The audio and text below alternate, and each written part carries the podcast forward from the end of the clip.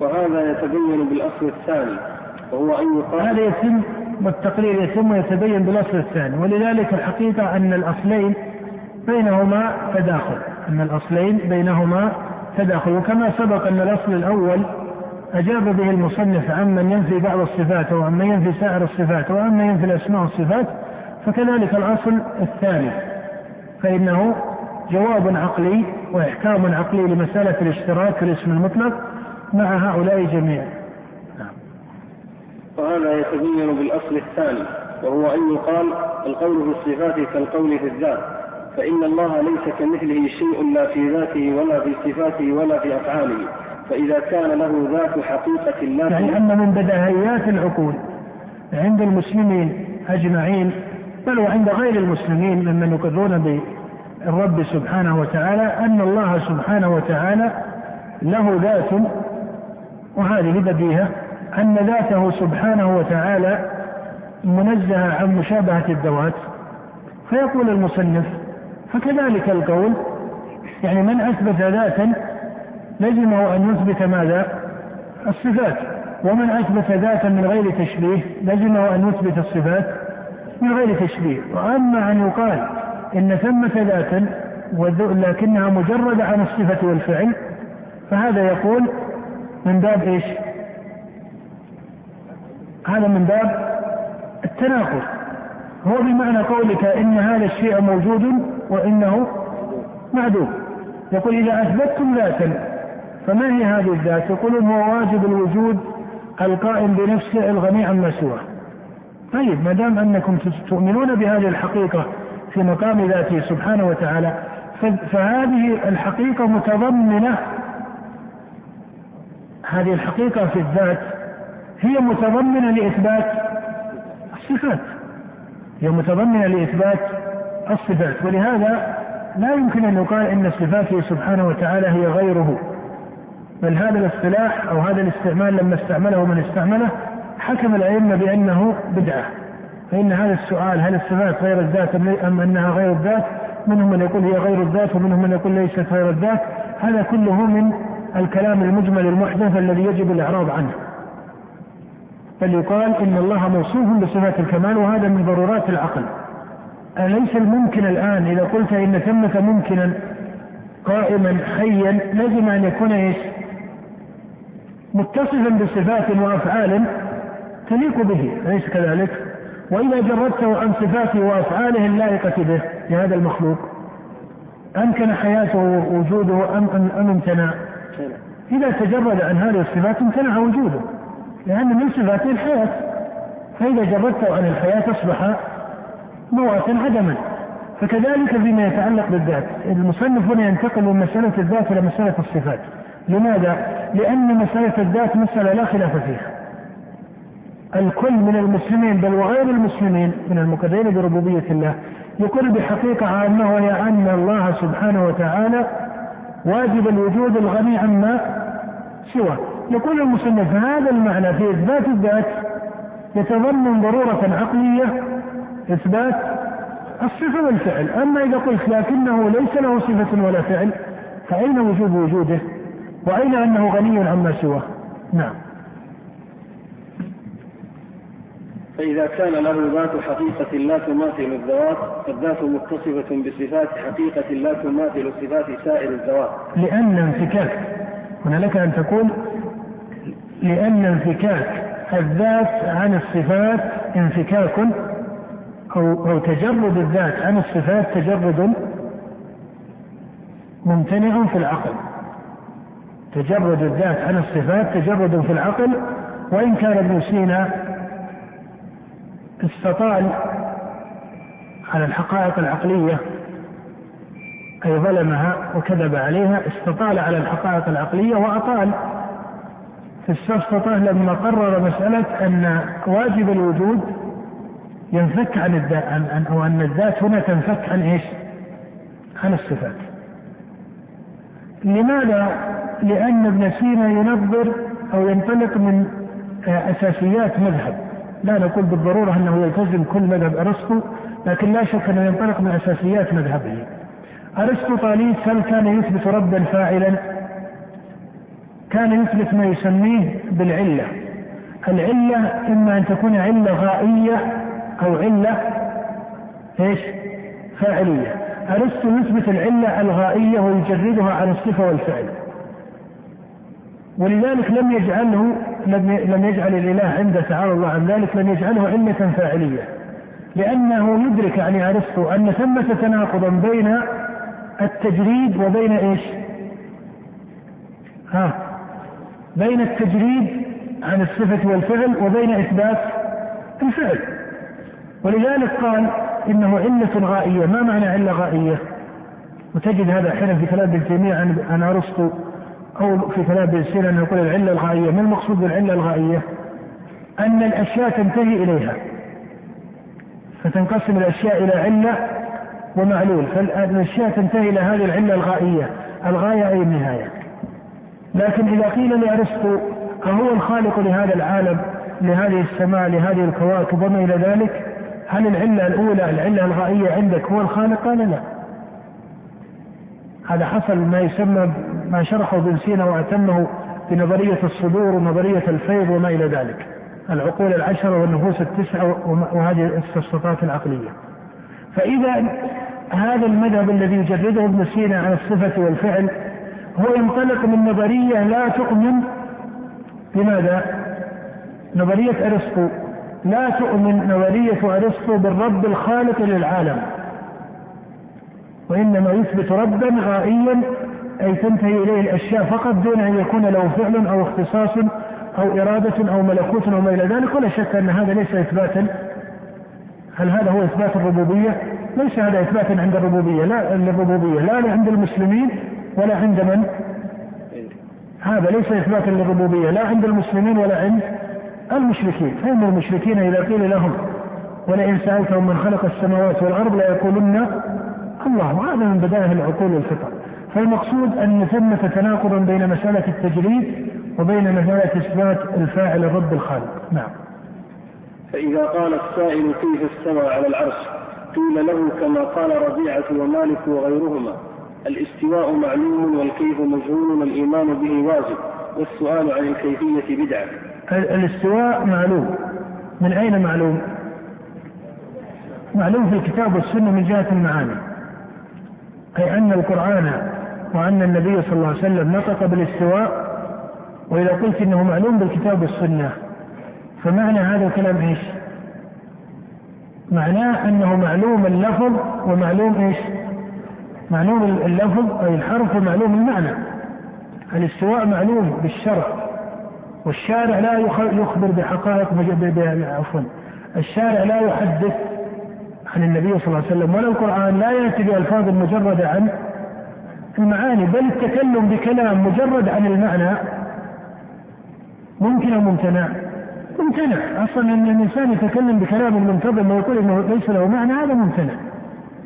ولذلك من يؤمن بالآية يلزمه أن يؤمن بمعناها أو تقول يلزمه أن يؤمن بمعنى فيها أيا كان هذا المعنى سواء أصاب في تفسيرها أو غلط. أما أن يقول إن الآية موجودة وأن المعنى لا يمكن فإن هذا لا يكون إلا أن يكون اللسان ليس لسانا مناسبا لهذا السامع أو لهذا المتكلم. فإذا الاستواء معلوم أي معلوم المعنى. فإن معنى استوى على العرش أي على على العرش. الرحمن على العرش استوى تقول الرحمن على على عرشه.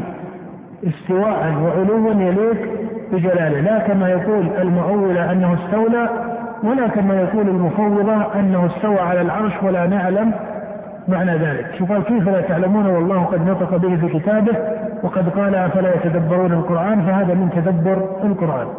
عبر بعض المتأخرين من أهل العلم وقد لا يكون متأخرا وقع في أحد بعض كلام أهل العلم في تفسير الاستواء جلس وهذا اللفظ غلط. وإن قال به من قال هذا لا يعتبر. ونبه في كقاعدة الذي يقال إنه مذهب للسلف مثلا. هي الشيء الذي مذهب للسلف. ينتظم على أحد حقيقتين أو أو تراعي فيه يعني أكثر من جهة، الجهة الأولى أن الكلمات القرآنية والنبوية دائما أشرف وأصدق وأتم وابين من الكلمات التي تكلم بها من تكلم بعدهم حتى ولو كان المتكلم إماما عالما. فكلمة الاستواء وكلمة العلو المذكورة في قول الله تعالى سبح اسم ربك الأعلى كلمة الفوقية إلى آخره. هذه جهة الجهة الثانية أن المذهب لا يرى تفسيرا للسلف إلا إذا اضطرد عندهم أما أنه عرض في بعضهم أنه قال استوى على عرشه جلس على العرش. فهذا التعبير لا يكون مناسبا لأن كلمة جلس في لسان العرب ليست مرادفة ليست مرادفة في معناها ومرادها لكلمة استوى بل فيها قدر من الزيادة كما تلاحظ وقدر من التفصيل الذي لم ينطق به أو لم تنطق به الكلمة القرآنية قد يكون بعض العلماء الذين ينطقون بمثل هذا يقصدون أحيانا درء إيش؟ درء التأويل أي أنهم يريدون أن يبينوا أننا نحقق الإثبات فيقعون في قدر من الزيادة إما في اللفظ وإما في إيش؟ المعنى وابن تيمية نبه إلى هذا وهذا يقع في هذا العصر أحيانا عند بعض الناس سواء في بسال الصفات وغيرها ابن تيمية يقول إن بعض المفسدين للسنة والجماعة المعظمين لطريق الأئمة ربما زادوا إما في الحروف وإما في المعاني في باقام الإثبات من باب التحقيق ودرء التأويل. وضرب مثلا لذلك مثل حامد من الحنابلة يقول إنه شديد في الإثبات فدائما ينبغي لطالب العلم في نفسه وفي تقريره للسنة أن يبتعد عن الزيادة سواء الزيادة في الكلمات أو الزيادة في المعاني. ألا إلا أن تكون كلمة اقتضاها السياق وقد سبق معنا أن الكلمات منها ما يجب استعماله ومنها ما إيش؟ يسوغ استعماله ومنها ما يرخص في استعماله لداع دعا إلى ذلك ومنها ما يمنع استعماله. والفقه أن يستعمل الإنسان الكلمات الشرعية ويستعمل في الدرجة الثانية ما يحتاج العامة فيه إلى البيان والإيضاح. وأما ما يرخص استعماله للحاجة فهذا وقته المناظرات وما إلى ذلك. نعم. قال والكيف مجهول أن يمتنع العلم به وهذا نفي لإمكان العلم به وليس نفيا للكيفية نفسها فإن الصفات لها كيفية. نزول الله واستواءه له كيفية ولكنها مجهولة. والإيمان به واجب لأنه خبر من أخبار الله في كتابه فيجب الإيمان به. والسؤال عنه أي عن الكيفية بدعة لأنه قول على الله وسؤال في حق الله بغير علم. نعم.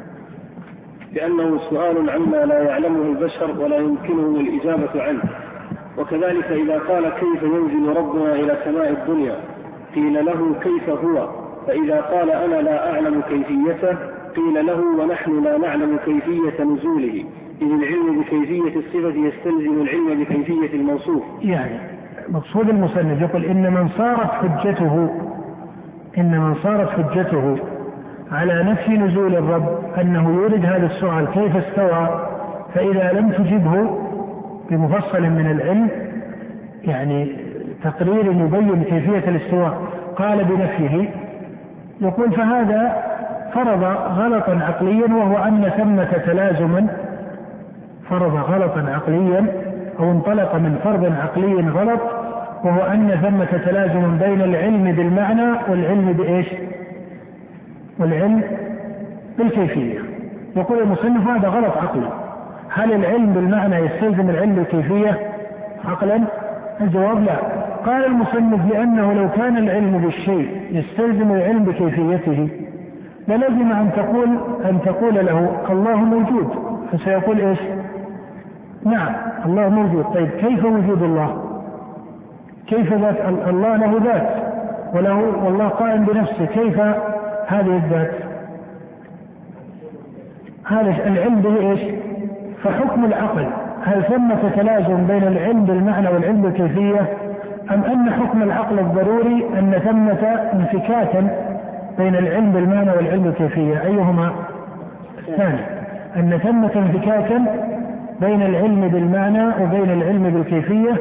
لم يلزم من علمنا بمعنى نزوله واستوائه أن نعلم الكيفية كما أنه لم يلزم من علمنا بذاته أن نعلم كيفية الذات. نعم. إذ العلم بكيفية الصفة يستلزم العلم بكيفية الموصوف. وهو فرع له وتابع له فكيف تطالبني بالعلم بكيفية سمعه وبصره وتكليمه ونزوله واستوائه وأنت لا تعلم كيفية ذاته؟ نعم. والعلم بتسلسل العلم بالكيفيات بكيفية الصفات. إذا تسلسلت انتهت إلى نتيجة وهي العلم بكيفية الذات وهذا ممتنع. يعني كما أن العلم بكيفية الذات ممتنع فإن العلم إيش؟ بكيفية الصفات ممتنع لأن القول في الصفات فرع عن القول في الذات نعم.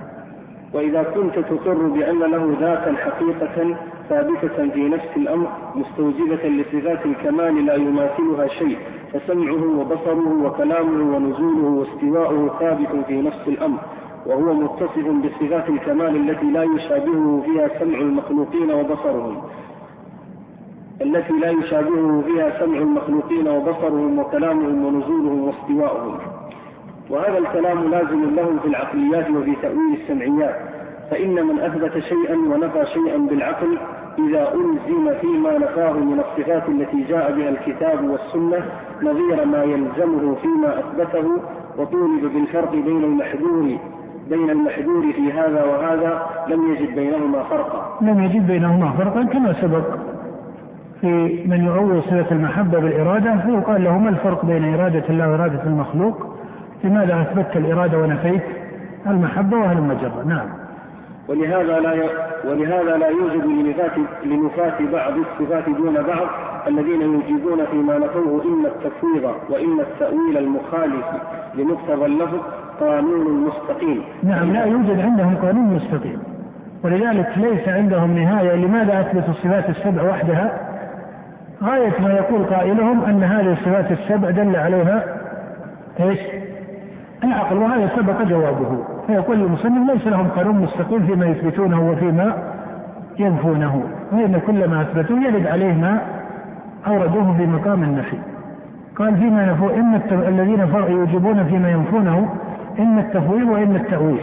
الطريقة التي عليها المتأخرون المتكلمة الصفاتية أن ما لا يثبتونه من الصفات يجوزون فيه أحد وجهين إما التأويل وإما التفويض. وهذا ذكره محمد بن عمر الرازي في كتبه وشرحه أن هذه النصوص التي لا ليست على ظاهرها كما يقول إن إما أن تؤول وإما أن تفوض. قال والاشتغال بتأويلها ليس من باب الوجوب بل هو من باب التبرع.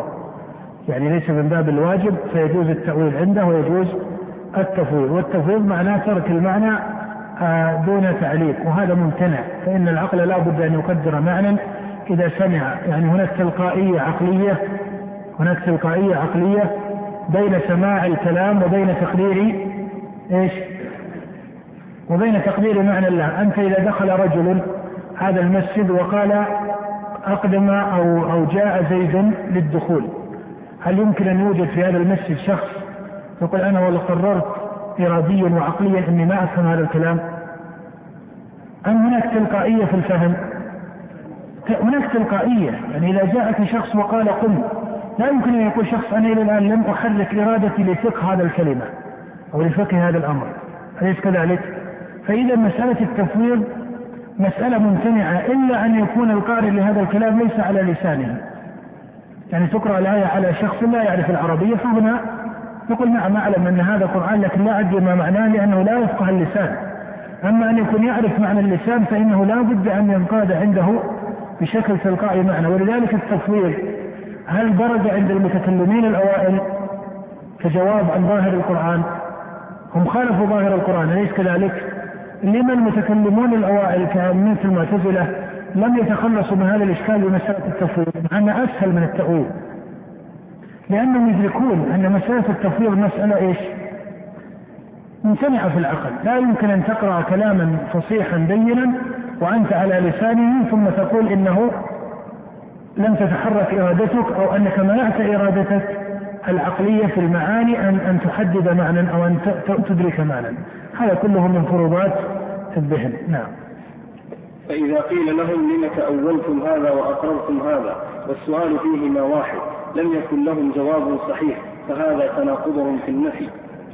وكذلك تناقضهم في الإثبات فإن من تأول النصوص على معنى من المعاني التي يثبتها فإنهم إذا صرفوا النص عن المعنى الذي هو مقتضاه إلى معنى آخر لزمهم في المعنى المصروف إليه ما كان يلزمهم في المعنى المصروف عنه. كما سبق أن من قال إن المحبة من باب التشبيه قيل له في الإرادة. ما الفرق بين هذا وهذا؟ فإن قال قائل فإذا قال قائل تأويل محبته ورضاه وغضبه وسخطه هو إرادته للثواب والعقاب كان ما يلزمه في الإرادة نظير ما يلزمه في الحب والمقت والرضا والسخط. ولو فسر ذلك بمفعولاته. أي بمخلوقاته. نعم. ولو فسر ذلك بمفعولاته وهو ما يخلقه من الثواب والعقاب فإنه يلزمه في ذلك نظير ما فر منه. فإن الفعل المعقول لا بد أن يقوم أولا بالفاعل. والثواب والعقاب المفعول إنما يكون على فعل ما نعم يعني إذا فسره بالمفعول قيل المفعول يستلزم المفعول يستلزم إيش؟ ها؟ يستلزم فعله لكن من باب الترتيب المقصود هنا المفعول يستلزم إذا أثبتت مفعولا لزم أن تثبت فعلا ولذلك تجد أن هؤلاء الذين يفسرون هذا المقام على هذا التفسير. درج جمهورهم على عدم التفريق بين الفعل وإيش؟ عدم التفريق بين مسألة الفعل والمفعول. وهذه مسألة تكلم عنها الإمام البخاري رحمه الله لأنها من المقدمات التي كان متقدم المتكلمين يستعملونها في تنظير هذه المسائل في الصفات أو في مسائل القدر. ولذلك عني البخاري في كتاب خلق أفعال العباد لتنظير هذه المسألة تنظيرا عقليا وهي مسألة الفرق بين الفعل والمفعول والفرق بين الخلق والمخلوق. نعم. والعقاب المفعول إنما يكون على فعل ما يحبه ويرضاه ويسخطه ويسخطه ويبغضه ويبغضه المفيد المعاقب. فهم إن أثبتوا الفعل على مثل الوجه المعقول في الشاهد للعبد مثلوا وإن أثبتوه على خلاف ذلك فكذلك سائر نعم. فإن أثبتوه على ما هو معروف في الشاهد فهذا من باب التشبيه وإن تجردوا عن ذلك فهذا هو الذي يلزم في سائر الصفات.